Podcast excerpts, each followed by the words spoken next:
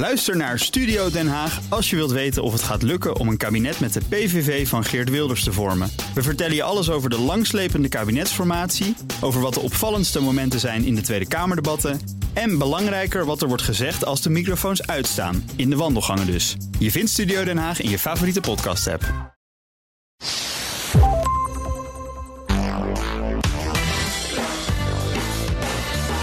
Welkom bij de Ben Tichelaar podcast bij BNR, de podcast over persoonlijk leiderschap.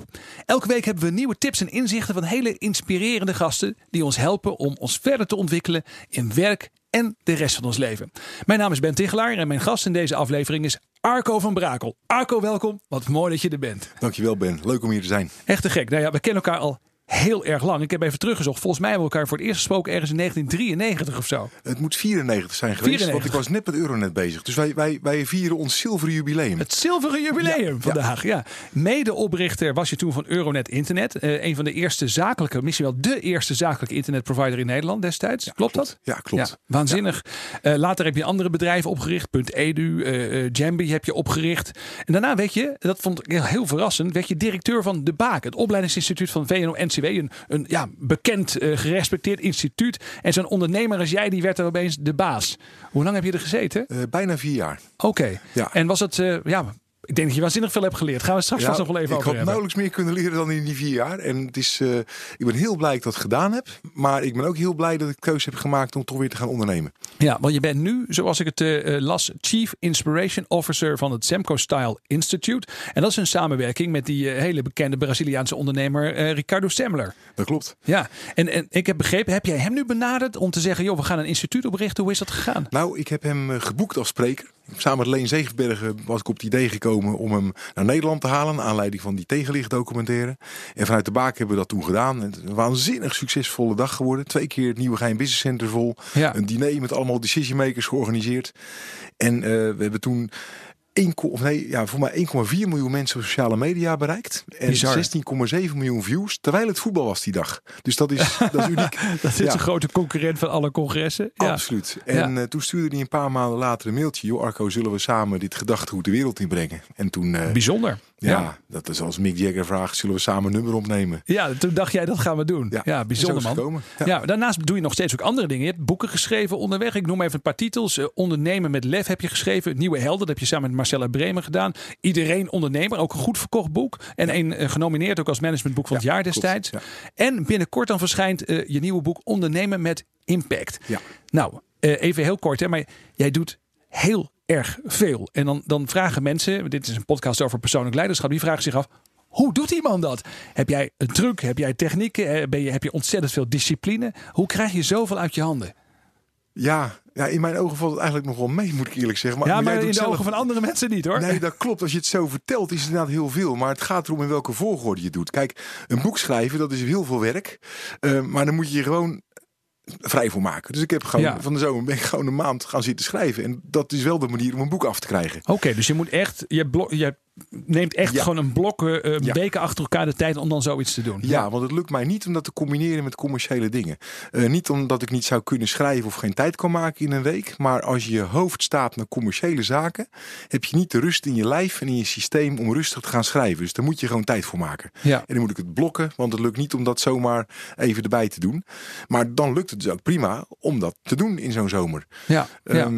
En voor de rest, ja, wat ik wel geleerd heb. Vroeger deed ik alles op eh, tomeloze energie. En, maar daar ben ik een paar keer behoorlijk mee tegen de muur aangelopen. Want ja. je energie en je gezondheid zijn niet eindeloos.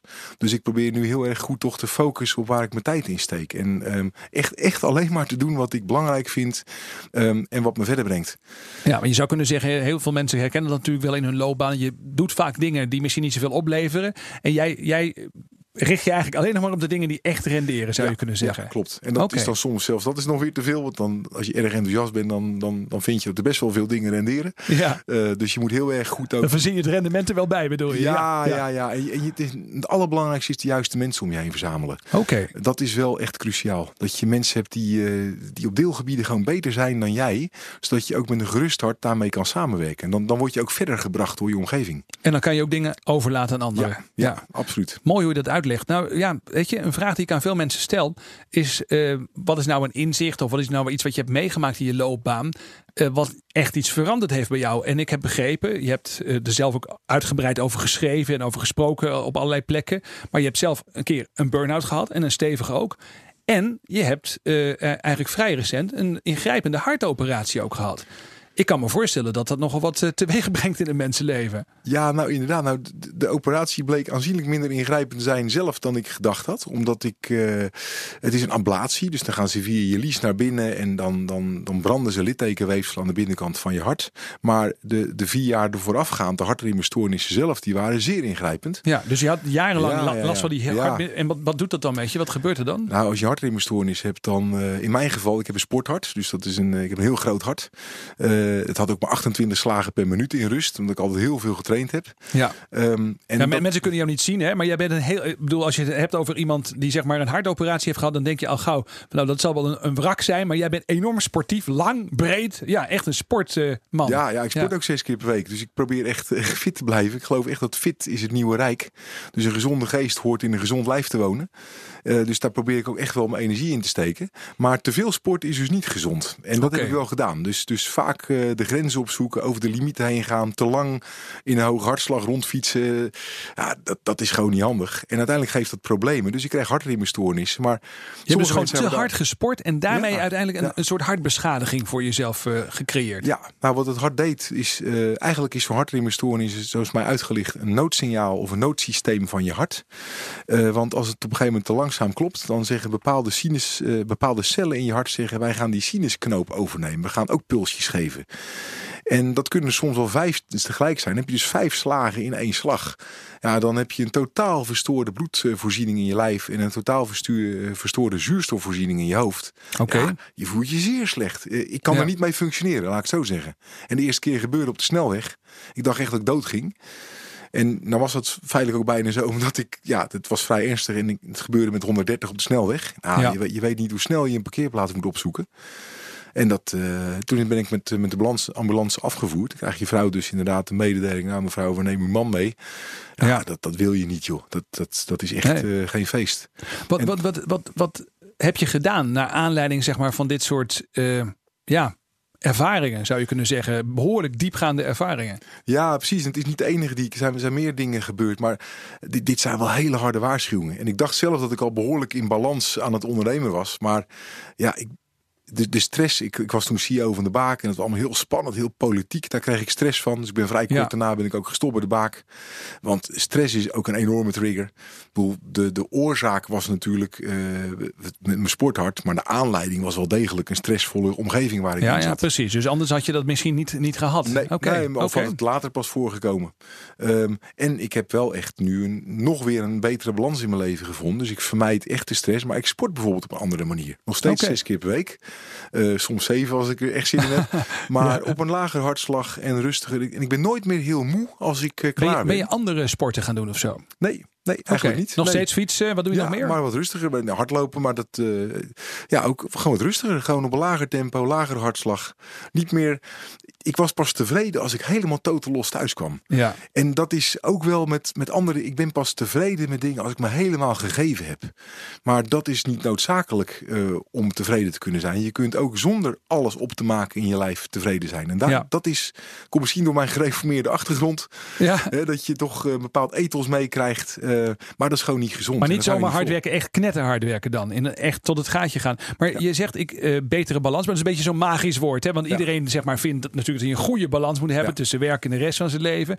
Wat is dat dan, een goede balans? Nou, ik vind een goede balans niet dat je alles, dat je alles rustig aan doet. Dat, eh, daar geloof ik helemaal niet in. Eigenlijk een weegschaal, die noemen ze mensen altijd in balans, maar die beweegt ook voortdurend. Ja, ja. Ehm, je moet alleen zorgen dat je. Als je naar een jaar kijkt, is het eigenlijk belangrijk dat je jaar zeg maar in balans is qua, qua tijd die je aan je gezin geeft, aan je gezondheid, aan je vrienden, aan je werk.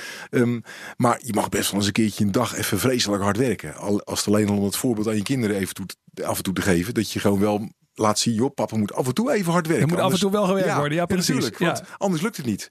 Dus ik, je moet niet met angst gaan leven. En dat had ik wel even de neiging. En dan ga je alles voorzichtig doen. Nou, als ondernemer moet je niet alles voorzichtig willen doen. Dus je moet het vertrouwen weer krijgen dat je af en toe even mag pieken. Nou, dat, dat, dat kan weer, want het is weer veilig. Ja. Alleen ik doe dat niet meer met sporten. En ik zorg altijd, als ik een, bijvoorbeeld een paar dagen in het buitenland ben, in Japan, dan moet je heel hard werken met die partners, tijdverschil, vluchten Ja. die lang zijn. Dan zorg ik wel dat ik daarna even een paar dagen bijna niks in mijn agenda heb. Dat ik lekker op mijn gemak alles even doen, thuis even kan zijn. Gewoon de rust, de rust erin brengen. Ja. Maar Nee, want dat is met- wel dus af en toe. Oké, want ja, je noemde net eventjes dat internationale aspect komt nu nog veel Ja. meer bij je werk kijken Ja. dan, dan voorheen zou je kunnen zeggen. Want dat Semco Style Institute, dat is een internationaal initiatief. Dus je gaat Ja. de hele wereld over. En natuurlijk Ja, ook vaak joh. naar Brazilië, naar eh, Ja. Ricardo Semler zelf geloof ik. hè? Ja, maar we zitten nu ook in Brazilië is het natuurlijk gestart. In Nederland zijn we met het bedrijf begonnen. Maar we, ons eerste land buiten Brazilië en Nederland was Japan of all places. Ja. Ja, dat verwacht je niet. Eh, en vervolgens krijgen we India, Zuid-Afrika, maar ook Duitsland, Portugal, België. Eh, Zweden gaan we nu mee in de slag. Ik denk dat we begin volgend jaar Engeland, Frankrijk en Spanje eh, ook, ook aan gaan, gaan sluiten bij de movement. Dus ja, dat is natuurlijk heel erg leuk. En, en het allerleukste is dat je overal bevlogen, gepassioneerde mensen tegenkomt. En dat is meteen weer het grootste risico. Ja, Want ja, dat is allemaal tomeloze energie van mensen die echt de wereld willen veranderen. ja. Nou, probeer dan maar eens rustig aan te doen. Dus ja, en veel mensen die natuurlijk ook starten, die, die er iets in zien en die met jou in zee willen. En dan ook er eigenlijk misschien wel van uitgaan dat jij natuurlijk ook heel hard voor gaat. En dat, en dat, ja, dat wil je ook, denk ik. Ja. Hey, ehm, jij hebt veel verschillende soorten eh, ondernemingen eigenlijk gestart. Je hebt met heel veel verschillende ondernemers ook samengewerkt. Dus eh, als ik aan jou denk, als ik aan Arco van Brakel denk, dan denk ik altijd aan ondernemerschap. En iemand die, die eh, van, van, van niks iets gaat maken, weet je wel. Die een bedrijf start en met heel veel ideeën, met heel veel passie iets neerzet. Wat zijn nou, als je nou, nou, nou terugkijkt op je loopbaan tot nu toe, hè, wat zijn nou ondernemerslessen die jij hebt geleerd waarvan je zegt, ja, dat is voor mij zijn een soort, ja, een soort gouden regels geworden in de loop van de tijd? Ja, oeh, jeetje, er zijn er best veel. Maar een hele belangrijke heb ik eigenlijk voor het eerst gehoord in 2010. eh, toen ik op de Business Mastery van Tony Robbins was. Hè. Ik, ik volg zelf ook regelmatig eh, wat kortere eh, opleiding om te zorgen Ja. dat ik bijblijf. Tony Robbins, beroemde ja. Amerikaanse, ja, begonnen met NLP, maar heeft ook allerlei, allerlei eigen ideeën. Hè? Beroemde business guru en, en personal coach zou je kunnen ja, zeggen. ja, hij heeft wel de grotere aarde gecoacht. Maar hij is vooral denk ik wel de beste spreker van de wereld. Ja, alle eerlijkheid. Ja. Ja. Maar die eh, leerde mij op die Business Mastery dat alles wat wij zelf doen, ehm, dezelfde wetmatigheid volgt als de natuur. Dus alles heeft een winter, een lente, een zomer, een herfst en een winter. En dat kun je niet voorkomen. Ehm, dus hij leerde mij toen al van, joh, waar zit nou je markt? Zit die nou in de lente of in de winter of in de zomer? En wat betekent dat? En waar zit jij met je bedrijf? Ehm, dat was al een heel mooi inzicht. Maar toen ik directeur van de Baak werd, heb ik Peter Robertson ontmoet. Een wetenschapper die ook aan Meijrode is verbonden. Ja. Heeft het boek Always Change a Winning Team geschreven. Dat, dat zegt al iets. En Ja. liet mij zien dat mensen van nature maar een stukje van die curve bijdragen. Oh, dat is interessant. Dus je zegt, een bedrijf heeft een soort levenscyclus. Ja. En, en, eh, maar help me nog eens eventjes dan, want als je nou een bedrijf wil starten. Ik, ben ondernemer, rondloop loop rond met een idee. Ehm, wat betekent dat dan, dat verhaal van die seizoenen voor mij? Nou, zolang het nog in je hoofd zit, het idee, dan zit je nog in de winter. Dan is het eh, echt jouw idee, dat heb je nog niet gedeeld. Hè? Maar zodra jij het gaat delen, je zou het aan mij vertellen en aan hier, mensen hier bij BNR of ergens anders, dan, dan ga je de lente in. Oké, dat is de lentefase. Ja. Ja. Als een sneeuwklokje boven de grond uit. Dan ga je aan de gang, weet je. Je hebt eerst het product misschien. En soms schieten mensen ideeën al af. Nou, dan is het meteen klaar met de lente. Dan moet je wat anders gaan verzinnen. Ja. Maar stel dat het idee goed is. Je gaat ermee in de gang. Je hebt je eerste product, je eerste klanten. Dan ben je echt een lentebedrijf aan het worden. Dat wil nog steeds niet zeggen dat het een succes kan worden. Maar je bent begonnen. Maar Ja. de lente is een keihard jaargetijde. Dus van de, van de tien eh start-ups haalt maar, geloof ik, 10% eh, of eentje haalt dan de eerste vijf jaar. Ja. Dus het kan zijn dat het niet lukt. Maar op een gegeven moment, als het wel lukt, dan ga je meer steady worden, kom je in de zomer. Oké. En dat is de periode, zoals een directeur voor, die ik laatst sprak van, van dorpinstallaties, die zei: eigenlijk willen we gewoon twee rijen mensen voor de deur hebben. Mensen die hier willen werken. En mensen die je klant willen worden. Ja. Nou, dat is de zomer.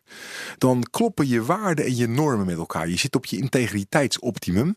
Je bent winstgevend, maar niet overdreven winstgevend. Maar je hebt een lekker draaiend, eh, soepel groeiend bedrijf. Ja, wat heeft dat met waarde en normen te maken? Eventjes tussendoor. Nou, heel veel. Want eh waarde, in het begin ben je heel erg waarde gedreven. Kijk bijvoorbeeld naar de opkomst van politieke partijen die snel groeien. Je begint vanuit idealen bedoel Ja, van idealen. En dan blijken mensen aangesloten te zijn op een bepaald ideaal.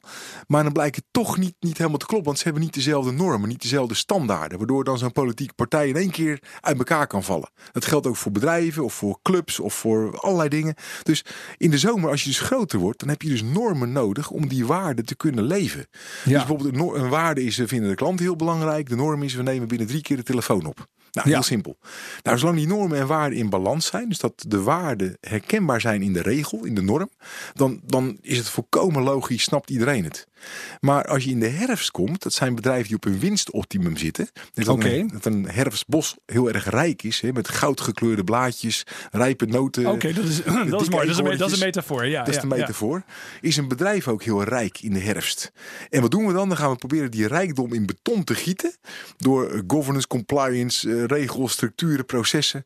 Ja, en dan kan je wel die winstgevendheid in beton gieten. Zodat je dus die, die, die processen, zeg maar, je, je producten uitmelkt tot de laatste cent. Ja. Maar je keelt ook de innovatie tegelijkertijd. En daarom zie je ook dat bedrijven die op hun winstoptimum zitten, die vergeten ook vaak de klant. Dus Oké, Een ze zijn heel erg bezig met hun interne structuur, maar onvoldoende met wat er in de buitenwereld gebeurt. Ja, Ja, en ja. om toch dan innovatief over te komen, zetten ze dan een megalomaan pand neer, vaak aan de Zuidas.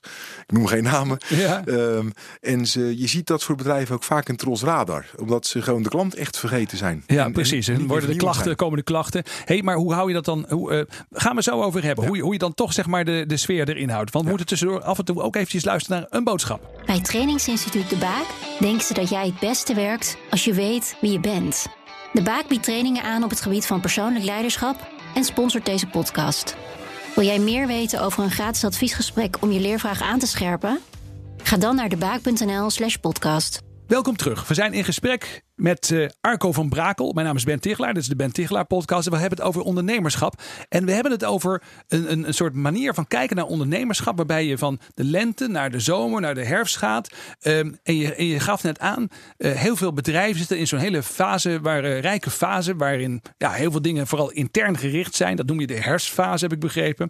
En dan ben ik benieuwd, hoe zorg je dat je dan toch innovatief blijft? Zodat je toch Ja. weer nieuwe dingen verzint. Nou, door inderdaad toch te, je te realiseren dat, ehm, dat, dat mensen van nature maar een stukje van die curve bijdragen.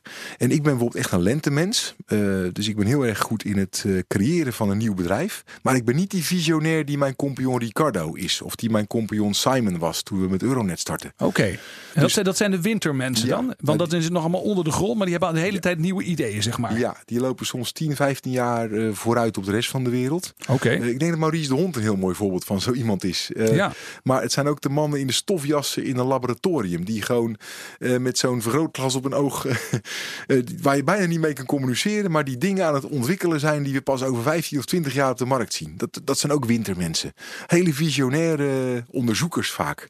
Oké. Ehm, die kunnen niet zo goed een bedrijf bouwen over het algemeen. Die hebben mensen zoals ik nodig om het te bouwen.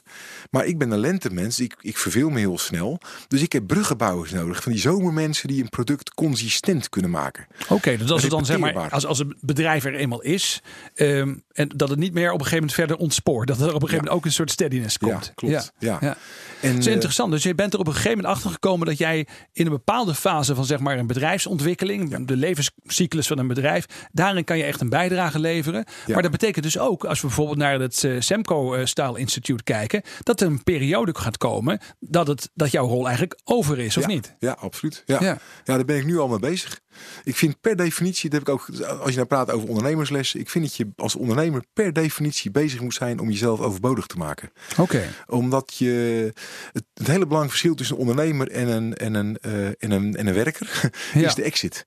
En ehm, een exit kan zijn een moment dat je stopt. En dat lukt niet ja. als het bedrijf volledig van jou afhankelijk is. Eh, terwijl als jij eh, aan de business werkt in plaats van jezelf in de business laat zuigen, ehm, dan ben je eigenlijk niet nodig voor de dagelijkse gang van zaken. Eh, je blijft lekker ondernemer, dus je bent aan het ondernemen, maar je bent niet degene die doorslaggevend is voor het voorbestaan van je bedrijf. Zodat je het inderdaad zou kunnen verkopen of een keer zou kunnen stoppen, dat andere mensen een stokje overnemen. Oké, Dat ja. is cruciaal. Toch, het, interessante is wel, ik kijk naar jou, ik zie wat je neerzet. Ik denk dat als ik bij met de Semco Style eh, Club iets wil gaan doen in Nederland, dan wil ik wel met Arco zelf praten. Ja, dat, dat, maar dat is wel een misvatting. Want ehm, ja, dat, dat, dat vind ik heel leuk dat je het zegt. En dat denken mensen ook wel eens. Maar ik ben niet degene die de beste trainingen geeft. Oké. Ehm, ik kan heel goed mensen meenemen in de droom. En ik kan eh, inspireren. En ik kan heel veel eh, mensen meenemen in het verhaal. Maar om de verandering op gang, gang te brengen die wij bij bedrijven op gang brengen, heb je hele faciliterende, rustige trainers nodig. Ja. Sterker nog, ehm, ik denk zelfs als je goed gaat kijken welke ondernemers dit het beste doen, dan zijn het mensen met een veel minder grote dan ik, als ik heel eerlijk ben. Want je moet vrij egoloos kunnen ondernemen om echt goed een zelfsturend bedrijf neer te zetten. Interessant. Ja. ja. Ja. Hey, ehm, ja, je, je noteerde in je nieuwe boek eh, allerlei ondernemerslessen ook. Je nieuwe boek eh, Ondernemen met Impact. Ik heb er eh, een preview van gekregen. Wat heel leuk. Er stond één verhaal in. Dat sprak mij enorm in, aan. Dat was een, verhaal van een ondernemer. of eigenlijk zou je kunnen zeggen een, een surfleraar op Bonaire. Daar Ja. moet je iets over vertellen. En, en ook wat, wat de lessen daarvan zijn. Dat vond ik zo'n prachtig verhaal. Ja, ik, ik vind het zelf een van de allermooiste verhalen die ik ken. Ik kon het in het begin ook niet vertellen zonder vol te schieten. Omdat ik de mensen ook persoonlijk ken. Je moet je voorstellen onder, dat Bonaire een heel arm eiland is. Hè. Daar, daar wonen 15.000, 16.000 mensen. En, en even tussendoor, jij komt er al heel erg lang geloof Ja, ik. hè? ja, ja, ja, ik heb ooit toen ik 23 was, eh, was mijn werk het keuren van hotels en restaurants op Caribische eilanden. Zo, dat is een, dat is een, een soort droombaan. Ja, droombaan. ja. Ik verdiende er niks mee, maar het was fantastisch. En sindsdien ben ik hoekt to the Caribbean. Ja. En eh, Bonaire is eigenlijk voor, eh, voor mijn gezin en mij gewoon wel een van de, of misschien wel het favoriete eiland. Oké. Om, om heel veel redenen. Ehm, dus dat kennen we goed. Maar ik huurde altijd mijn plank van, eh, van een man die heet Elvis Martinez. En dat is een, eh, hele wijze Bonaireaanse man. Ja. Karateleraar en, en eh, honkbalcoach van oorsprong. En die gaf kinderen surfles. Oké, Elvis Martinez. Elvis Martinez, ja, en die gaf ja. dus kinderen op Bonaire surfles. Ja, ja. En dat is hij gaan doen wat hij zelf ook eh, zijn leven heeft zien veranderen door sport. Er was ooit in de jaren tachtig was er een surfplank op Bonaire aangespoeld. De vissers hebben dat ding naar, naar de kant gesleept en hebben besloten dit te beschouwen als een geschenk van God. Hè? Dat meen je? Ja. Ja. Dus er, waren, maar ik bedoel, ze, ze- er werd toch wel gesurfd op Bonaire voor Toen nog niet. 1980? Nee, nee, surf komt uit de jaren tachtig. Je bedoelt Windsurfen. wind, oh, wind, Windsurfen. Oh ja, maar ik, ik denk. Beach Boys, Nee, eh, nee. jaren 60, weet je wel. Oké, windsurfen. oké. ja. Nee, in golfsurfen kun je niet goed op Bonaire, want de kant waar de golven zijn is allemaal riffen, dus levensgevaarlijk. Dus je kunt eigenlijk niet goed gol- Dat moet je even weten, ja precies. Ja. Dus dit is windsurfen. Toen zijn we aan de slag gegaan en eh, een van die gasten die heeft ook het, de Olympische Spelen gehaald ermee. Dus die sportman van het jaar geworden. Maar ze hebben besloten de kinderen su- windsurfles te gaan geven. En ze mochten alleen als ze ook naar school gingen. Dus al die jongens gingen naar school. Eh, maar omdat ze helemaal spelenderwijs dat gingen leren en er soms geen wind was, ehm, gingen ze trucjes doen die ja, kinderen gaan spelen. Ja. Waarmee ze eigenlijk zonder het te weten het windsurf hebben gedefinieerd. Ze gingen trucjes doen die je normaal op een BMX fietsje doet, maar dan op een windsurfplank. Oké, en dat heeft die Elvis Martinez, die heeft hem dat geleerd. Ja, allemaal begeleid. En die heeft allemaal gaan regelen. Die vuurde planken. Die had ook surfplanken en materialen. En die jongens gingen dan meehelpen in de windsurfverhuur, weet je wel. Dus die Ja. leefden daar rond die windsurfplace. Nou, en dat, is een, dat alleen al is een mooi verhaal. Maar op een goed moment zat er een eh, sportsponsor. Die was een heel groot toernooi vlak bij Boston aan het, eh, aan het organiseren. Het, eh, het Cape, het Cape toernooi of zoiets heet dat, geloof ik. Oké. En het- ik weet niet of het er nog is, maar het was toen echt een World Cup toernooi. En die zag die jongens en die zag ook ze- dat, dat ze hele grote stickers op hun zeilen hadden. Hij dacht, nou, ze worden goed gesponsord. Ja. Maar niets was minder waar. Want die stickers zaten erop omdat die scheuren gezeild waren. En alleen de stickers van het Die lokale zeilen, die tankstation... zaten scheuren in, die, Ja. die, die, met stickers van tankstations weer gedicht. Ja, precies. Ja, Dus zo ging dat. Maar die gasten konden zo goed surfen dat hij dacht, die moet ik uitnodigen om mee te doen aan de World Cup. En zo gezegd, gedaan. Ze Maar dat was, dus, dat is dus ook niet het normale windsurfen zoals wij dat kennen van vroeger. Op je plankje en dan gewoon proberen zo hard mogelijk te gaan. Maar dat is echt eh, de lucht in, eh, eh, nou ja, ongeveer salto's in de lucht Ja, maken ja, met je windsurfplank. hè? Ja, ja. maar Elvis liet ze ook trucjes doen. Gewoon als het dan windstil was, moest je op je windsurfplank gaan staan. Ik, ik doe het nu voor. een beetje. ja, en dan moest je dus met je zeil los in je hand, dus niet aan je plank gebonden, dat zeil weggooien en het dan weer opvangen. Dat soort dingen, die had nog nooit iemand gedaan. Maar dat gingen Ja. ze gewoon doen, omdat ze gewoon niks beters te doen hadden. En daardoor ontwikkelden ze zo'n gevoel voor de plank en het zeil en de wind, dat zij dingen konden met een surfplank die niemand, echt niemand ooit heeft gekund. En wat haal je hier nou voor ondernemersles uit? Het is Nou, tot nu toe vooral een mooi sportverhaal. Dat je een mooi hartstikke mooi. Maar wat, wat ja. Nou, het is, het is een mooi verhaal. Want Elvis heeft nooit de bedoeling gehad om wereldkampioen op te leiden. Hij heeft drie wereldkampioenen opgeleid. Oké. Um, want de jongens gingen meedoen en die kregen de andere dag een profcontract. De eerste, Tati volgens mij, die waren Tati, Kiri en Tonki heten die jongens. Van die Antilliaanse jongens. Ja. Die kregen, waren meteen de rocksterren van het eiland. Werden wereldkampioen, de World Cup gewonnen. Maar dat was niet zijn doel. Hij wilde die kinderen een beter leven geven. En en passant heeft hij het windsurfen geherdefinieerd. Maar dat was ook niet zijn bedoeling. Hij wilde gewoon die kinderen gewoon leerden om voor zichzelf op te komen. Leerden door te trainen dat ze dingen voor elkaar konden krijgen. Maar op een goed moment, door het kitesurfen, was de windsurfsport aan het afglijden. Ja. En er werden geen kinderboards meer gemaakt. Toen dacht Elvis, ja, we moeten toch gewoon die sport redden, anders kan ik geen les meer geven. Dus heeft hij een windsurfklasse bedacht, de Pro Kids. Ja. Heeft hij de speech van zijn leven gehouden in Thailand voor de hele windsurfwereld. En is hij de grote merken gaan eh, stimuleren om weer kinderboards te maken. Oké, ja. Waarmee hij Ja. eigenlijk het windsurfen ook gered heeft. Maar dit is wel echt heel erg leuk. Want er zijn natuurlijk ontzettend veel bedrijven die al heel lang actief zijn. Die zeggen, oh potverdikke, we moeten eigenlijk iets verzinnen als purpose. Hè? Dan wordt het dan later bijverzonnen. eh, eh, onze why. Hè? Eh, maar jij zegt, dit is echt helemaal ontstaan vanuit een soort maatschappelijke betrokkenheid. Gewoon. Totaal. Ja. Ja. Elvis gelooft heilig dat de kinderen altijd de toekomst zijn. Dus als je het niet meer weet, moet je focussen op de kinderen en kijken wat je voor hun kunt betekenen. Nou, het leuke is, hij heeft dus door te focussen op het belang van de kinderen van Bonaire iets voor elkaar gekregen dat vele malen groter is dan hij zelf. Ja. En dat is volgens mij de essentie van ondernemen met impact. Want hij is ook ondernemer, hij heeft er ook alle risico's voor genomen. En ik denk als iedere ondernemer nou eens gaat kijken, voor wie kan ik van betekenis zijn? Met mijn talenten, mijn kwaliteiten, mijn team, mijn mogelijkheden. Ja, ik wil niet zeggen dat je dan per se wereldkampioenen gaat creëren, maar je kunt wel iets voor elkaar krijgen wat je nooit gedacht had. En dat is ondernemen met impact. Nou ben ik heel benieuwd. Want wanneer kwam voor jou dat moment dat je ook op die manier naar ondernemen ging kijken? Heb je dat altijd gedaan of is het onderweg ergens gegroeid? Nee, dat had ik vroeger wel. Ik, eh, ik, ik ben ook eh, ik ben in ambtenarengezin opgevoed. eh, en, en mijn vader was gemeentesecretaris. Dus we zijn heel dienend aan de samenleving eigenlijk Ja. opgevoed. Ja. Ik wou vroeger boswachter worden, dominee, onderwijzer. Dat waren de dingen die ik graag wilde worden. Uiteindelijk ben ik toch om allerlei redenen een, een hele leuke businessopleiding gedaan. Gaan doen waar ik meteen mijn eigen bedrijf kon oprichten. Dus dat, die vrijheid vind ik ook wel mooi. Maar ik merk naarmate ik ouder word, ik steeds meer die, die maatschappelijk betekenis eh, terug wil pakken. Ja. En geld interesseert me niet zo heel erg in alle eerlijkheid. Maar ja, goed, dan kun je ook zeggen, eh, dat is natuurlijk makkelijk praten. Maar je hebt een aantal succesvolle ondernemingen opgezet. Dus je hoeft misschien ook niet meer zo hard te werken. Jawel, ik ben ook alles weer een keer verloren. Dus Oké, eh, je dus ik weer gewoon werken. Nee. Je moet dus Ja, gewoon, oké. maar Nee, dat- goed, maar dan hebben we dat even helder. Ja, maar dat, dat, dat, ook dat vind ik niet zo heel relevant. Dat, dat, dat is vervelend, weet je. Maar daar leer je van en je, je gaat weer door. ja. Ehm, maar wat ik ontdekt heb, na Euronet ben ik toen eh, inderdaad gewoon nog een bedrijf gestart, punt Edu. Daar zaten we in het opleiden. Dan, dan ben je al automatisch van betekenis. Ja. Maar vervolgens ben ik een derde bedrijf begonnen, Jambi, samen met Adam Curry. En hadden eigenlijk Netflix en YouTube bedacht, maar dan zes jaar te vroeg. Ja, dat was video's op internet. Ja, hè? Video's ja. op internet, maar toen het internet eigenlijk nog te traag was. Ja, en ik zat laatst oude interviews terug te lezen. Nou, het was spot on wat we als visie hadden. Alleen echt te vroeg. Ja. En toen, maar het was niet alleen dat we te vroeg waren. Ik was ook toen in een geldgedomineerd wereldje terechtgekomen. Oké. En dat hij die hele aanpak met venture capital en weet ik het allemaal. Ik, ik kon daar niet tegen. Ik ben een ontzettende burn-out terechtgekomen.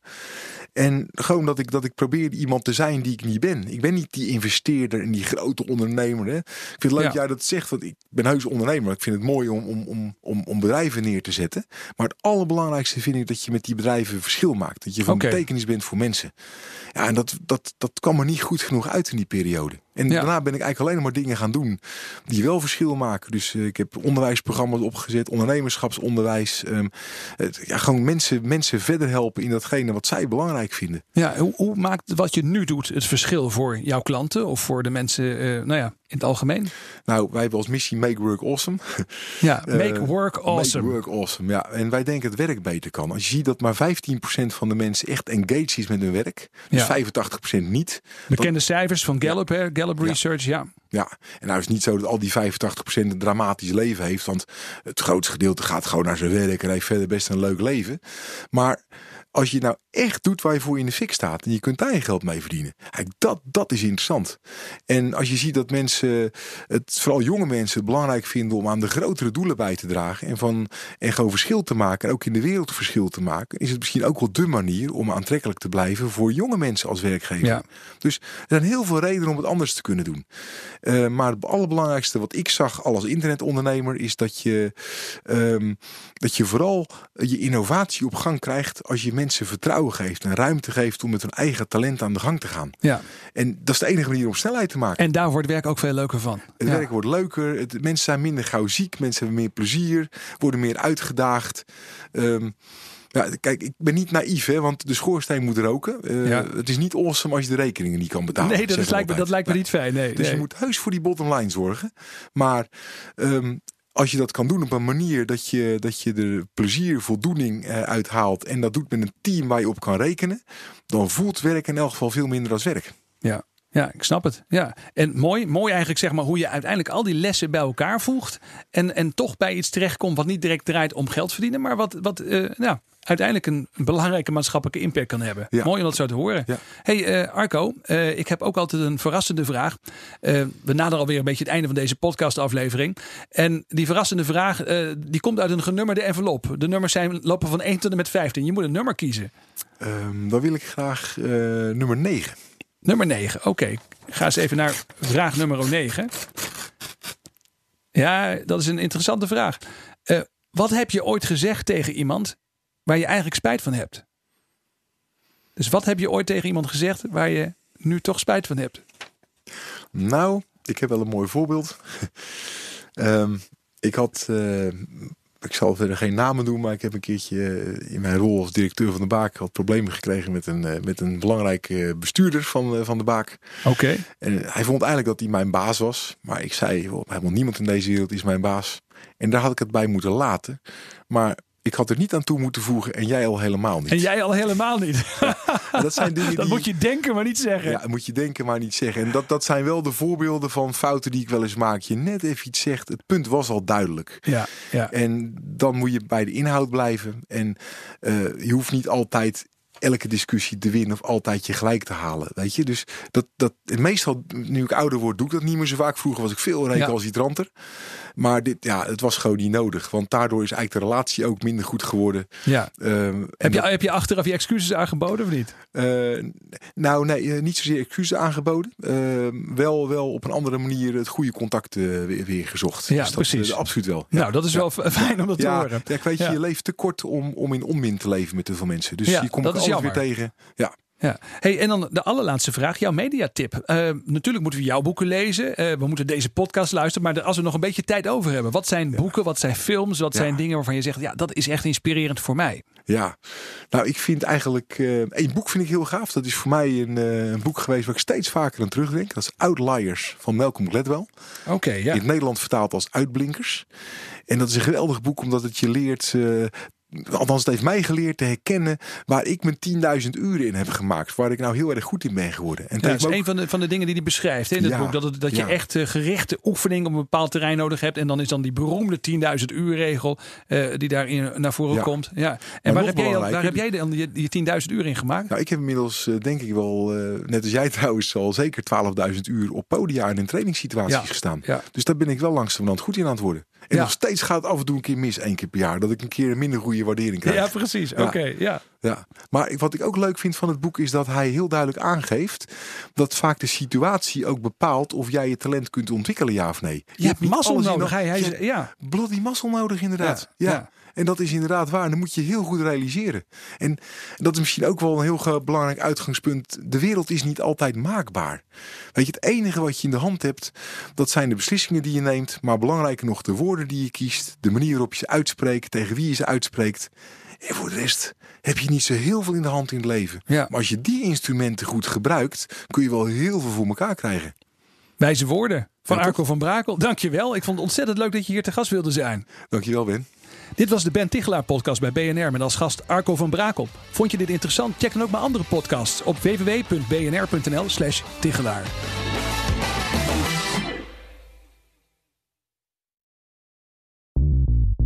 Bij BNR ben je altijd als eerste op de hoogte van het laatste nieuws. Luister dagelijks live via internet. Bas van Werven. En heel langzaam komt de zon op rond dit tijdstip. Je krijgt inzicht in de dag die komt op BNR, het Binnenhof in Nederland en de rest van de wereld. De Ochtendspits. Voor de beste start van je werkdag. Blijf scherp en mis niets.